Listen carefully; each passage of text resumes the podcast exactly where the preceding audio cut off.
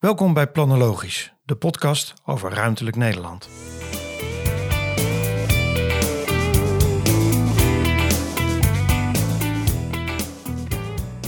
En dan kom je uiteindelijk bij die doorstroming terecht, waarvan ik denk, ja, die moet je goed op orde hebben, want anders krijg je een soort van nou ja, verdeeldheid in je stad. Ehm, en, en die verdeeldheid, ja, dat is iets wat je niet wil. Ehm, soms is het zelfs zo dat je na moet denken over. Het is ook niet automatisch zomaar de bedoeling dat je heel gedifferentieerd bouwt, hè, want, dat kan niet. Maar ja, je moet eigenlijk die doelstelling wel hebben als je op gebiedsniveau kijkt. Hoe ga je die stad nou inrichten? Niet alleen nu, niet alleen voor de mensen die nu een woning zoeken, maar ook voor die mensen die, nou laten we zeggen, over 50 of over 100 jaar een woning zoeken.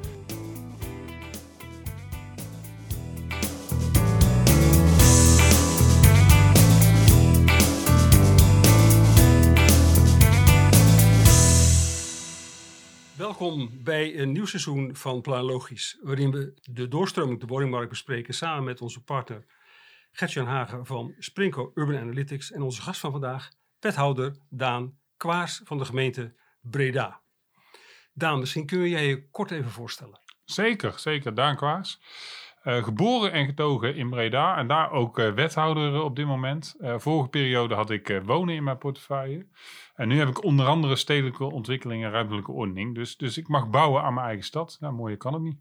Inderdaad. Gertjan. Ja, Gertjan Hagen. Ik werk bij het bedrijf Sprinko Urban Analytics. Wij zijn een databedrijf. We doen heel veel onderzoek naar de woon- en leefomgeving. Zowel de uh, consumentenkant als uh, wat voor woningen staan waar, wat zijn migratiestromen. En op basis daarvan vinden wij het thema doorstroming erg belangrijk. Is bij ons in het onderzoek naar boven gekomen. We hebben landelijk onderzoek gedaan. En dat is ook een van de aanleidingen om dit, dit soort gesprekken te voeren. En mijn naam is Peter Ruigrok. Ik ben geassocieerd met Diets Strategie en Communicatie en mag als uh, gespreksleider van deze podcast optreden. Dan komen wij bij de gemeente Breda. En het zou uh, um, fijn zijn, Daan, als je iets kunt vertellen over de uitdagingen die de Bredaanse woningmarkt kent, kennen. Um, en vooral ook rondom het onderwerp doorstroming. Want het gaat natuurlijk ook over het optimaal benutten van de bestaande voorraad. Jeetje, wat een open vraag zeg. Hey. Ik, uh, ik, ga een goede poging doen. Um, volgens mij hebben we een aantal uitdagingen in Breda. Maar dat is niet alleen in Breda. Hè. Dat, is, dat is eigenlijk in het hele land. Eén is uh, de beschikbaarheid. Er zijn er nu eigenlijk wel genoeg huizen? En daar ligt natuurlijk een enorme opgave. Wij als Breda hebben dat voor onszelf de afgelopen vier jaar gedefinieerd als 6000 uh, eh, woningen gerealiseerd of in de harde plannen. Um, nou is een getal maar een getal, hè, maar dat is twee keer zoveel als wat we daarvoor deden. Hè? Dus we hebben daar echt een versnelling aan gebracht. Het is ook gerealiseerd? Uh, dat is ook gerealiseerd, ja. We hebben in drie jaar, zeg maar, die twee bij elkaar opgeteld, een uh, dikke 6900 woningen gerealiseerd. Hadden plannen of buiten. Uh, maar daar ligt natuurlijk wel de uitdaging. Hè? Wat voor woningen zijn er dan? zijn dat woningen die passen bij de mensen die ze willen bewonen? Uh, en kunnen ze ook gebouwd worden? Hè? Want, want daar zie je natuurlijk de komende tijd ook echt wel vraagstukken op je afkomen. Uh, als het gaat om, is het allemaal haalbaar wat we met elkaar verzinnen en bedenken? Um, tweede op jouw vraag haalbaar, is... Haalbaar in de zin van? Ja, nou ja, haalbaar in de zin van... Uh, kijk, we kunnen natuurlijk planologisch allemaal wel heel goed met elkaar afspreken... dat er allerlei dingen kunnen en mogen. En dat woningen gebouwd gaan worden. Um, maar als ik daar de praktische waarheid tegen aanleg, dan, um, weet je, voordat zo'n woning er staat, moeten we eerst op zoek naar iemand die hem bouwt. Hè? Dus, dus de mensen. Nou, dat wordt al een uitdaging, maar, maar laten we ervan uitgaan dat we die mensen kunnen vinden. Dan, dan gaat het om het materiaal. Want dat materiaal moet natuurlijk wel geleverd worden, want ja, anders kan je ook niks bouwen. Als je dat materiaal nu hebt, ja, dan, dan moet er ook een bedrijf zijn of een auto die dat, die dat naar de bouwplaats brengt. En dan kom je in een stikstofdiscussie terecht. Nou, daar is al een lastige discussie aan het worden. Heel ingewikkeld, hè? ook actualiteit van vandaag de dag hè, met de boeren natuurlijk. Uh, maar stel je voor dat we dat met z'n allen op één lijn krijgen. Ja, dan, dan staat daar dadelijk een huis. Um, wat opgeleverd wordt, waar je dus naar binnen kan. En als je de stekker in stopcontact stopt, ja, ja dan is het niet aangesloten. Hè? Want, want Tenet die geeft het signaal van wacht even. Uh, wij krijgen het niet meer aangesloten. Nou, en als je dat dan ook nog eens zeg maar, uh, op weet te lossen, ja, dan kom je natuurlijk bij de markt die die woning moet kopen of huren. Ja, en als je dan kijkt in de koopsector naar de, de rentestijgingen die eraan zitten te komen, ja, dan, dan hebben we een, een, praktische situatie waarvan ik denk, het is leuk dat wij met z'n allen 6000 woningen bedenken. Maar het wordt nog een hele klus om ze ook daadwerkelijk te realiseren. Nou, die, die uitdaging moeten we aangaan. Hè? En dat is niet alleen uh, de wethouder van Breda, maar dat is de wethouder van Breda samen met de marktpartijen, samen met die corporaties. Hè? Want, want nou ja, gemeente bouwt geen huis. Ik, ik heb nog nooit een huis gebouwd. Um, dat doen andere partijen en, en nou, daar moet je dus echt samen die schouders onder zetten. Maar als je ze dan bouwt, hè, als je dat allemaal voor elkaar weet te krijgen, ja, dan, moet je, dan moet je ook de goede huizen bouwen. Hè? Dus die betaalbaarheid moet gegarandeerd zijn. Nou, daar hebben we met Sprinko natuurlijk al een analyse op gemaakt in de gebiedsprofielen. Uh, Oké, welk huis zou je waar moeten bouwen? Uh, welke huizen staan er al? Wat past er nou goed bij elkaar? Hoe ga je daarmee om in een wijk? Want, want alleen maar sociale woningbouw, daarvan zie je dat uh, geschiedenis ons brengt, dat, dat daar soms ook problemen ontstaan.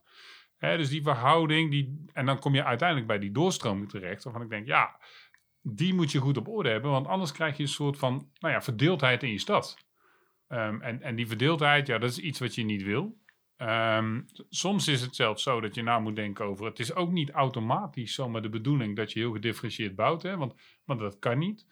Maar ja, je moet eigenlijk die doelstelling wel hebben als je op gebiedsniveau kijkt. Van hoe ga je die stad nou inrichten? Niet alleen nu, niet alleen voor de mensen die nu een woning zoeken, maar ook voor die mensen die, nou laten we zeggen, over 50 of over 100 jaar een woning zoeken. En nou ja, die drie dingen bij elkaar, dan, dan denk ik dat ik de opgave voor Breda gedefinieerd heb. Maar ja, die is niet alleen voor Breda.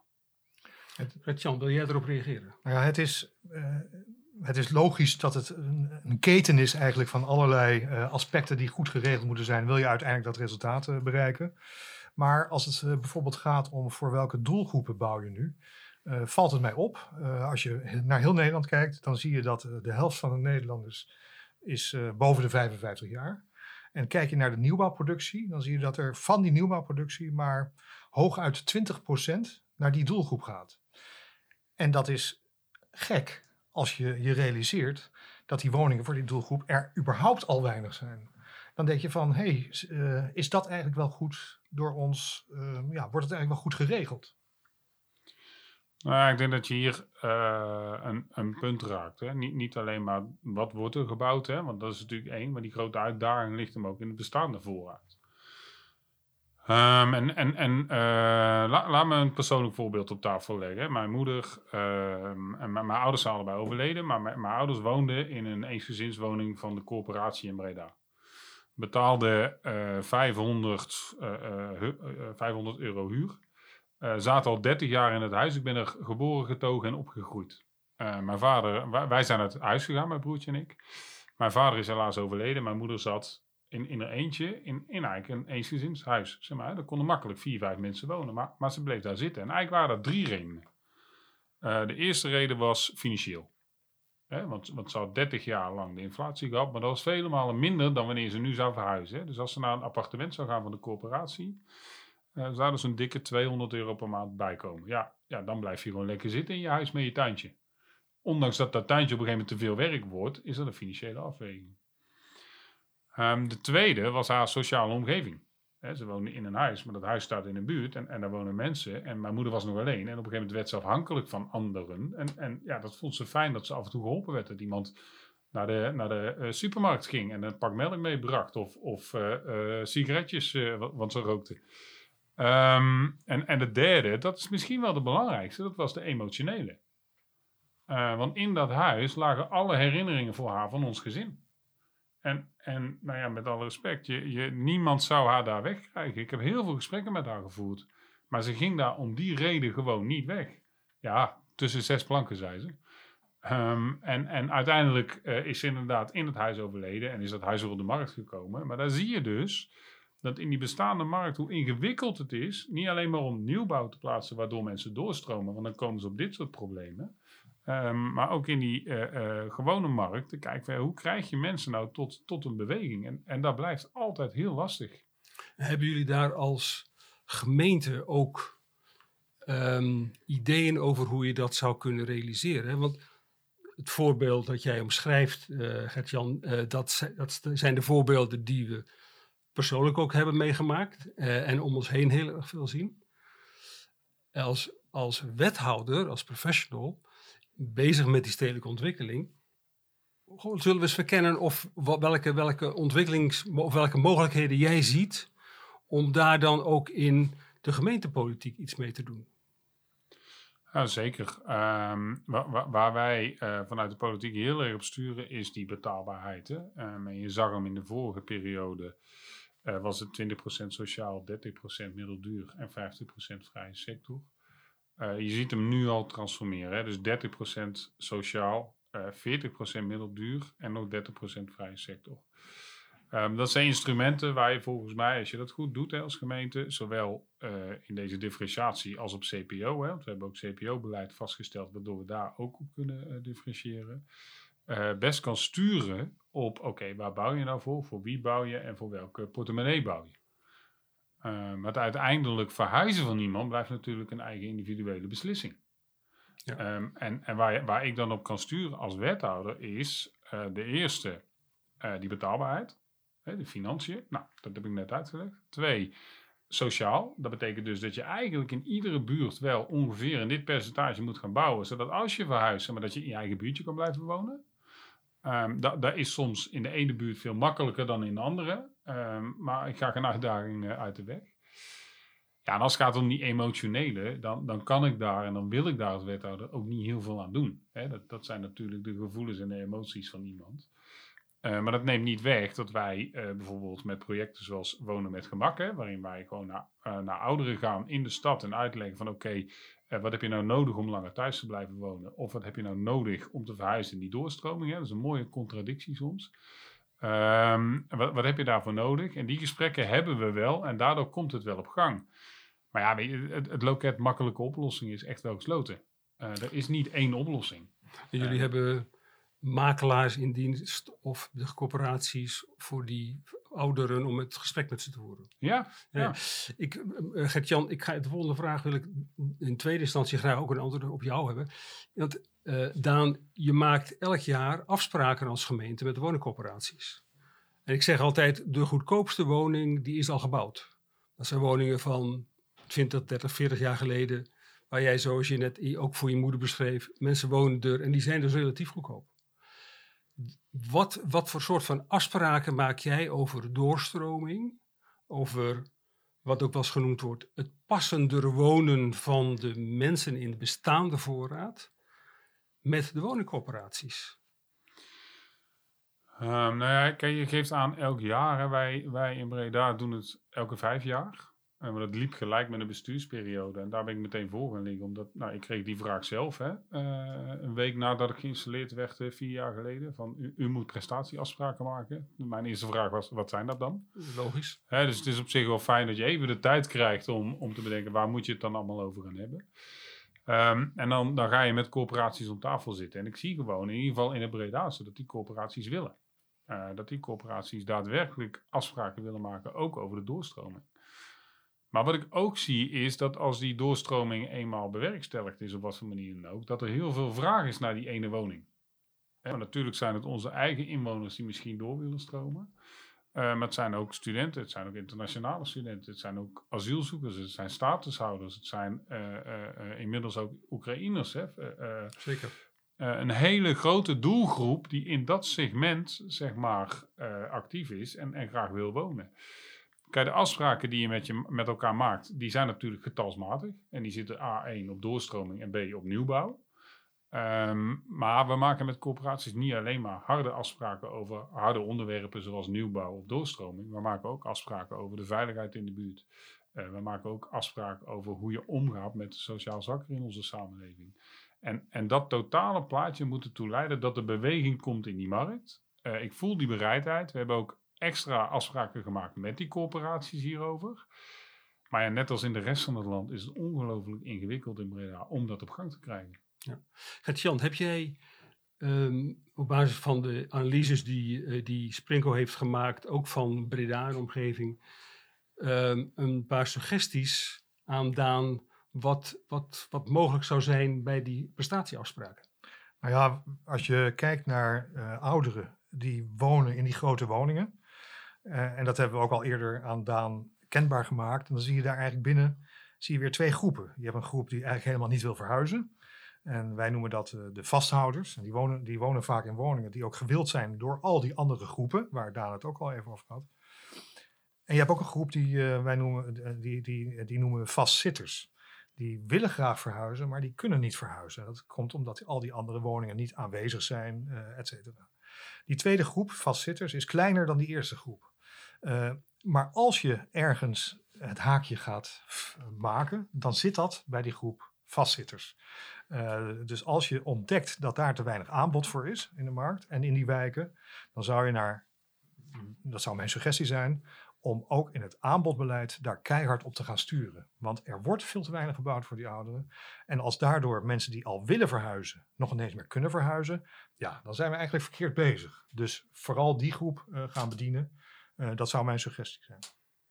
Dus veel selectiever in het aanbod zijn. Uh, in het aanbod voor specifiek die groep die wil verhuizen. En ja. uh, leg je oor te luisteren bij die groep die wil verhuizen. Want dan ben je aan, ja, dan, dan ben je aan, de, aan het goede touwtje aan het trekken, uh, om maar even zo te zeggen, die, die kansrijk is. Je... Dan nog moet je die locaties vinden en moet je die woningen gaan bouwen. Maar dat kan tot hele scherpe keuzes lijken, leiden op, op wijkniveau. Dat je toch zegt van, hey, we wilden daarvoor een hele andere doelgroep bouwen, maar gegeven deze groep die daar aanwezig is en die ouderen die kunnen doorstromen, moeten we misschien de aandacht wat verleggen juist naar die groep. Kun je hem concreet maken, bijvoorbeeld door twee kenmerken van zo'n zo'n op ouderen aange, toegesneden project te noemen? Want uh, als, als wethouder ook voor stedelijke ontwikkeling ben je juist, zit jij aan die knoppen natuurlijk. Nou ja, wat je ziet bij ouderen, en dat is soms een beetje een misvatting. Iedereen denkt vaak, als je gaat bouwen voor ouderen, dan moet je appartementen bouwen. Nou, dat is eigenlijk helemaal niet waar. Uh, ongeveer de helft van ouderen, die willen helemaal geen appartement. Maar die hebben toch wel heel erg veel belangstelling voor nog een klein tuintje uh, erbij. Uh, dus als je een appartement aanbiedt en ze willen die tuin, dan gaan ze niet verhuizen. Dus je moet, je moet zeker niet alleen maar je zin op appartementen zetten, maar denk ook aan andere woonvormen. En dat, dat kan ook best wel in een hogere dichtheid, zou ik maar zeggen, want ze hoeven niet allemaal een eigen tuin, dat kan ook collectief geregeld worden. dus experimenteer met verschillende woonvormen, dat is een hele belangrijke. Daan, kun jij iets met deze ideeën, deze handreikingen? Ja, zeker, zeker. Kijk, dat experimenteren met verschillende woonvormen, dat is volgens mij sowieso een, uh, een soort van key hè, in, de, in dit hele verhaal. En um, wat het soms ingewikkeld maakt, en, en ik ben het wel met je eens, zeg, Jan, is dat we veel meer voor zo'n doelgroep moeten bouwen. Want dan ontstaat dat gesprek over, laten we zeggen, doorstroming. Hè, want dan hebben ze ook iets om naartoe ja. te gaan. Uh, maar ja, als je 100 woningen hebt en je hebt daar verdeling over afgesproken, hè, dan, dan zijn het ook politieke uitgangspunten. En we sturen natuurlijk op sociaal en, niet op uh, bereikbaar en beschikbaar. En, hè, dat zijn de afspraken die je maakt met de corporaties. Maar uiteindelijk zijn zij degene die daar uh, natuurlijk in, bouwen. Um, en dan kom je bij wanneer gaat iemand verhuizen uit een, uit een huurwoning. Hè? Als hij niet meer gaat betalen dan dat hij op dit moment doet. Hè? Dat zijn vaak de, of niet veel meer. En dat is best ingewikkeld in deze tijd om een huis te bouwen die aan die criteria voldoet. Um, kijk, als het gaat om die, die, die koopsector. Um, dan, dan zie ik vooral dat mensen wel in die emotionele uh, hoek blijven hangen. Dus hoe ga je daar dan mee om? Hè? En ja, je hebt het ons al eerder uitgelegd. En dank daarvoor. Hè? Uh, maar, die, maar die woningmarkt is, is groot. Hè? Dus als je 100 woningen hebt waarbij je dit gesprek hebt, heb je natuurlijk ook nog uh, een x aantal woningen waar, waar vrije sector is. Je hebt ook nog een x aantal woningen waar mensen zelf willen bouwen. Je hebt ook nog een x aantal woningen uh, die bestemd zijn voor de middeldure sector. Hè? Want als je kijkt nu waar het grote probleem zit van onze woningmarkt, dan is het die middeldure sector. Um, maar, maar er staat zoveel druk op die woningmarkt op dit moment, van alle hoeken, dat het heel ingewikkeld is om voor één onderdeel zeg maar, genoeg te bouwen. Want, ja. want uiteindelijk is het ook zoeken naar de balans in je stad en zoveel mogelijk huizen voor iedereen beschikbaar hebben. Nou ja, die, de, daar, daar uh, uh, vinden we elkaar. Want, want mijn analyses en geheugen zijn niet dusdanig dat ik dat altijd aan kan. En dan is het fijn om op basis van data, zeg maar, gewoon analyses neer te leggen. Van hé, luister eens, dit is waar jij behoefte aan hebt. En dan zijn het politieke keuzes om dat te doen of om ja. dat niet te doen. Ja. We praten nu heel veel over de coöperatiesector, dus de sociale huursector, middelduur had je het al even over. Nu zag ik laatst een makelaar uitleggen op een, op een symposium in Arnhem dat een duurdere koopwoning, die was ergens tussen de 4,5 en 5 ton, uiteindelijk vier verhuizingen had opgeleverd in de woningvoorraad, waarvan de laatste twee in de sociale sector. Want er zijn natuurlijk ook mensen in die sociale sector die zeggen, die, die eigenlijk prima die wat duurdere koopwoning kunnen kopen. Is dat iets wat jullie ook bewust inzetten? Bijvoorbeeld afspraken maken met ontwikkelaars over uh, wie komt als eerste in aanmerking voor een koopwoning. Um, en uh, juist om die uh, doorstroomketen ook echt op gang te krijgen. Doen jullie dat? Nou ja, ja, ja en nee. Um, kijk, die doorstroomketen komt eigenlijk altijd wel op gang. Uh, de vraag is, krijg je het goed in beeld of niet? Hè? Want um, nou ja, Breda is een aantrekkelijke stad. Uh, ik vind het zelf een fantastische stad om in te wonen, maar, maar dat beperkt zich niet tot mensen uit Breda. Hè? Dus, dus mensen van buiten Breda of vanuit de Randstad weten Breda ook te vinden. Um, hè, dus op het moment dat er een verhuisbeweging is, komt er ergens anders een huis vrij. Uh, en, en of dat nou in Breda zelf is of in Amsterdam, om er iets te noemen. Um, da daar zit die doorstroming natuurlijk wel op te wachten. Omdat ze, maar dat hebben we niet altijd in beeld. Wel de eerste verhuizing, maar niet de derde, de vierde en de vijfde, om het zo maar te zeggen. Als het gaat om Breda, dan proberen wij wel om te kijken van ja, wacht even, wie koopt dat huis dan? Dus een zelfbewoningsplicht hebben wij als een van de eerste ingevoerd. Omdat, omdat we het gewoon belangrijk vinden dat als je een huis koopt, dat je daar zelf gaat wonen. Want anders dan krijg je natuurlijk allerlei perikelen voor je het weet. Of, of uh, huisjesmelkers of opkopers. Um, waarbij er een spanning op de markt ontstaat die, nou, die niet leuk is, die niet fijn is. En waar veel overlast van komt. En dat wil je niet. Um, maar echt uh, sturen op van, nou ja, jij komt uit Breda. Dus jij krijgt voorrang op de rest. Ja, dat, dat, volgens mij ontstaat die mogelijkheid zometeen wel. Maar dat, dat, dat druist voor mijn gevoel ook een beetje in tegen de vrijheid van huisvesting. Um, en dat is, dat is best een ingewikkeld vraagstuk, vind ik. Ja, dat, dat kan ik me ook voorstellen, want dat is natuurlijk zo, dat het daar een beetje tegen indruist. Aan de andere kant kan de nood zo hoog zijn, zoals die benutting van die woningvoorraad, dat je zegt van, hé, hey, aan specifieke groepen zou je eigenlijk voorrang moeten geven. Of het nou de eerste, de tweede of de derde stap in die verhuisketen is. Waarom niet? Als, we dat, als er een woning vrijkomt en hij is aantrekkelijk voor ouderen die er eigenlijk op zitten te wachten, waarom zou je hen nou niet voorrang geven? Juist om die betere uh, bewoningsstructuur dan in Breda ook te gaan regelen. Eens, uh, maar vergeet niet dat we in een stelsel leven waarin die voorrang al is. Hè. Dan is er wel onderscheid tussen, uh, wat jij net aangaf, corporaties en uh, ontwikkelaars. Hè. Of de particuliere sector. maar, maar er zijn al doelgroepen die voorrang hebben. Ja. En, en, als we iedereen voorrang gaan geven, ja, dan heeft niemand voorrang meer, om het zo maar te zeggen. Hè. Dus het is continu zoeken naar die balans. Um, ik denk dat we daar nog wel stappen kunnen zetten als het gaat om die particuliere sector. Uh, hoe ga je ermee om? Wat draag je bij aan? Um, onlangs hebben we in, uh, in Breda een project uh, gerealiseerd, een woonzorgproject. Waar zowel mensen met een zorgindicatie als mensen zonder zorgindicatie komen te wonen. Dus echt gemengd wonen. Ja. Waarbij we aangeven van ja, luister, er is een soort van sollicitatiegesprek om daar te komen wonen. Hè. Dus je voldoet op alle feiten en criteria zoals ze dat met elkaar hebben vastgesteld. Maar er komt er één gesprek om te kijken of jij zeg maar, ook een bijdrage wil leveren aan de zorg van die andere mensen. Ja. En zo is dat selectieproces ingestoken. Je ziet dat dat uh, best interessante opgaves Ja. uh, uh, geeft, maar ook hele mooie uitkomsten. Hè, dus zo zijn we wel aan het experimenteren. Uh, maar op een markt als deze blijft dat natuurlijk altijd wel een beetje lastig. Hè? Want de eerste raadsvragen, ik kreeg er meteen raadsvragen over of het normaal was dat je een gesprek ging voeren over wat jij bij ging dragen aan je buurman. Want ja, ja je moet je buurman toch met rust laten, om het Ja. zo maar te zeggen. hè? Ja, maar dat, dat is natuurlijk... Dus, en dat, is- dat is natuurlijk altijd het gesprek. Terwijl ik denk, dat was heel nobel. En ik vind het heel tof om te zien dat mensen dat wel bereid zijn om te doen. Je ziet ook dat steeds meer mensen bereid zijn om dat in hun achterhoofd te hebben als ze gaan wonen. Dat ze, dat, dat- de, de, de vrijheid, blijheid waar je het over hebt. Ik, hoor om me heen steeds meer mensen die zeggen, nou ik ben wel bereid om, om ook wat te doen voor mijn omgeving. En zo ken ik ook institutionele beleggers. Eh, wij zitten nu in Utrecht en daar is het stadsakkoord een paar jaar geleden gesloten. Waar de institutionele beleggers zeiden, nou wij willen wel voorrang geven aan mensen die een, sociale huurwoning achterlaten.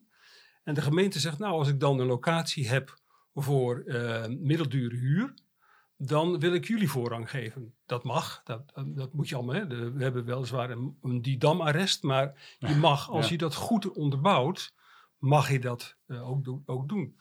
Zijn dat soort ideeën ook wel bij jullie aan de orde geweest? Zeker. Ehm, nog, nog niet eh, politiek, om het zo maar te zeggen. Hè? Maar dat zijn sturingsmogelijkheden waar wij ook zeg maar, ambtelijk en ik met de mensen om me heen echt dagelijks over discussiëren van hoe krijg je dat nou het beste voor elkaar in een stad. En, en ik snap, hè, in een stad als Utrecht eh, is, is die problematiek in die sociale sector misschien nog wel erger hè, en die druk nog hoger. Uh, maar ik denk dat je dit soort afspraken met elkaar moet gaan maken om te kijken of er een hoger doel is om die woningmarkt gewoon weer uit het slop te trekken. Want er moet gewoon beweging in. Ja. Gert-Jan, wil jij nog iets toevoegen aan wat Daan zojuist zei? Nou ja, eh, Daan noemde net eventjes het woordje data. Nou, nu ben ik, werk ik bij een databedrijf, dus dat is natuurlijk ook fantastisch. Uh, uh, ik denk uh, zelf, en volgens mij ben jij ook een beetje dezelfde mening toegedaan, dat, het, dat je ook moet, allereerst inzicht moet hebben, wil je kunnen sturen. En inzicht krijg je met die, met die data van hoe zitten die doorstromingsketings nou precies in elkaar. waar kan je wel een bijdrage leveren en waar niet. Dus daar, daar ligt denk ik een soort opgave. ik, ik verwacht er ook erg veel van.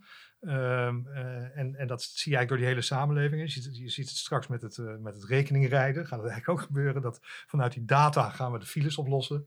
En het zou mooi zijn als we vanuit die data ook woningmarktproblemen te lijf gaan.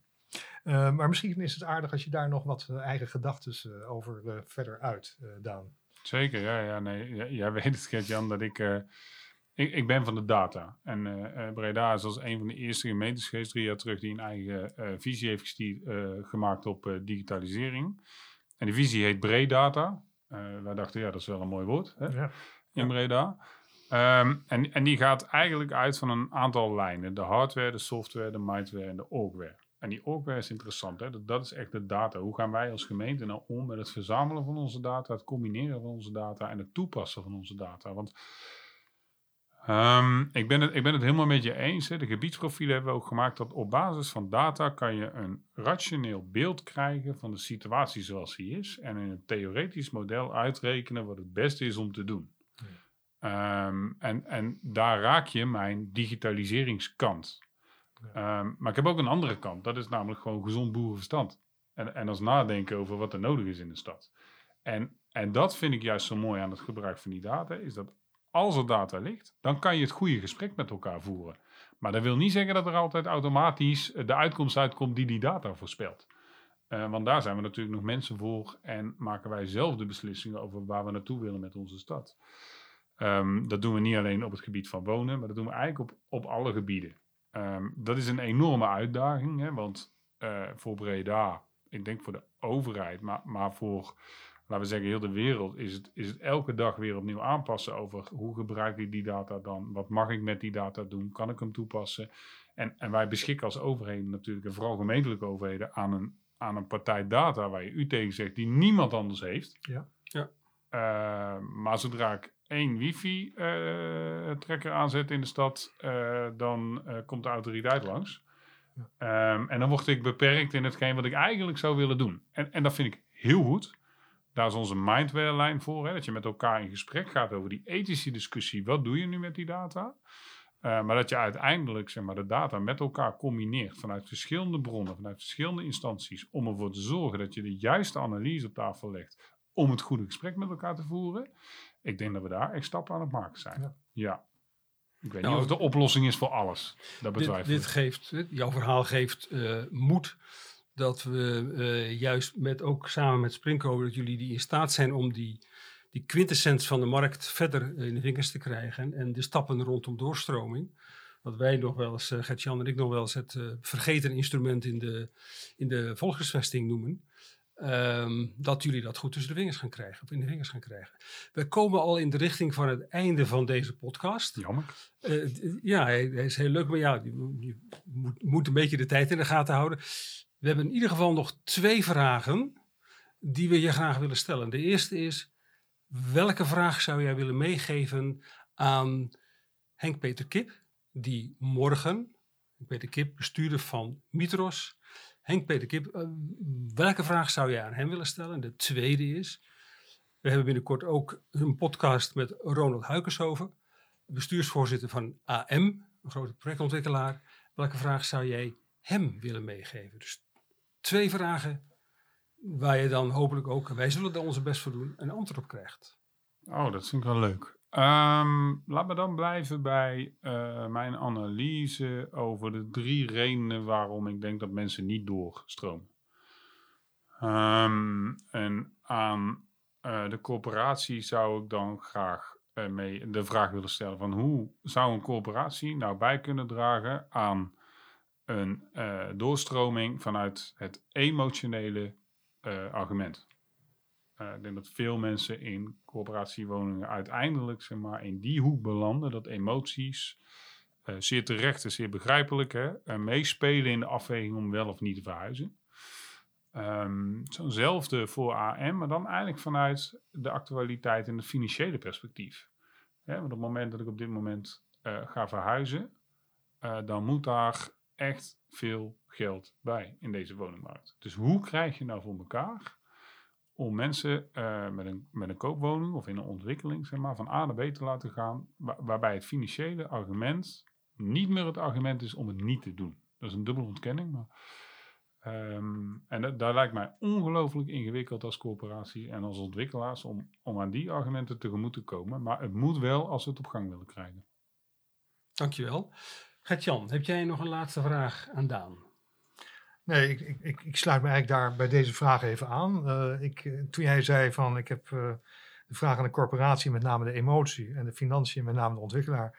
Dat had ik niet verwacht, want toen je met de corporatie uh, was, dacht ik van, oh, dan gaat Daan het waarschijnlijk ook hebben over instrumenten als huurgewenning. Want de corporatie is in staat eigenlijk om uh, de huur misschien wel gelijk te houden. Uh, voor mensen Daarom, ze kunnen het al. ze kunnen het al. Ja, ja, ja. Nou, dan is de vraag van, uh, wordt het ook voldoende toegepast? Hè? De, die, die... Dat is misschien wel emotie aan twee kanten. Namelijk ook de emotie om minder huur te vragen voor een woning dan wat misschien volgens de sociale markt mogelijk zou zijn.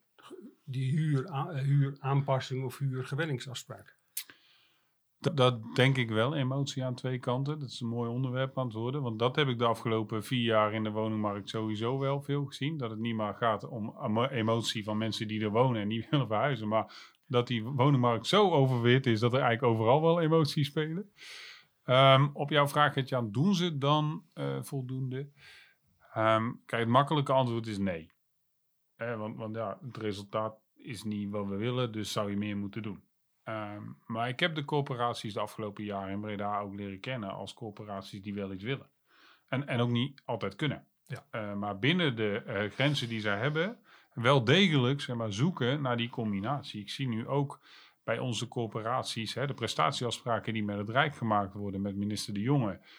Uh, matchen met de prestatieafspraken die wij als gemeente hebben. Hoe kan je nou van 1 en 1 plus maken? Uh, eh, 1 plus 1 is 3 dan, officieel is, is het spreekwoord.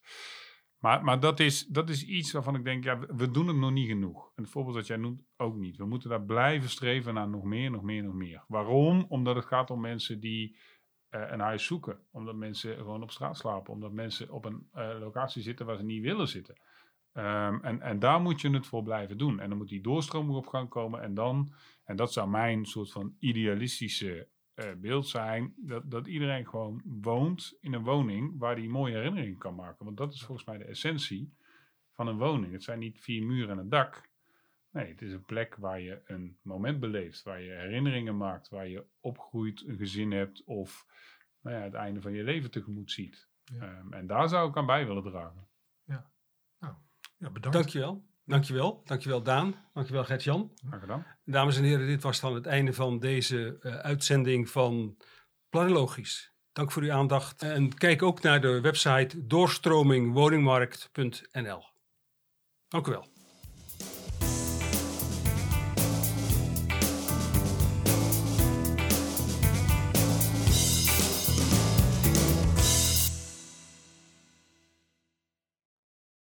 Dankjewel voor het luisteren naar Planologisch, de podcast over ruimtelijk Nederland. Vond je dit een leuke podcast? Dan zouden wij het enorm waarderen als je een positieve recensie achterlaat. Planologisch wordt ontwikkeld door Diets Strategie en Communicatie uit Utrecht. Wil je meer weten over dit onderwerp of over ons? Ga dan naar diets.nl of vind ons op social media onder Diets.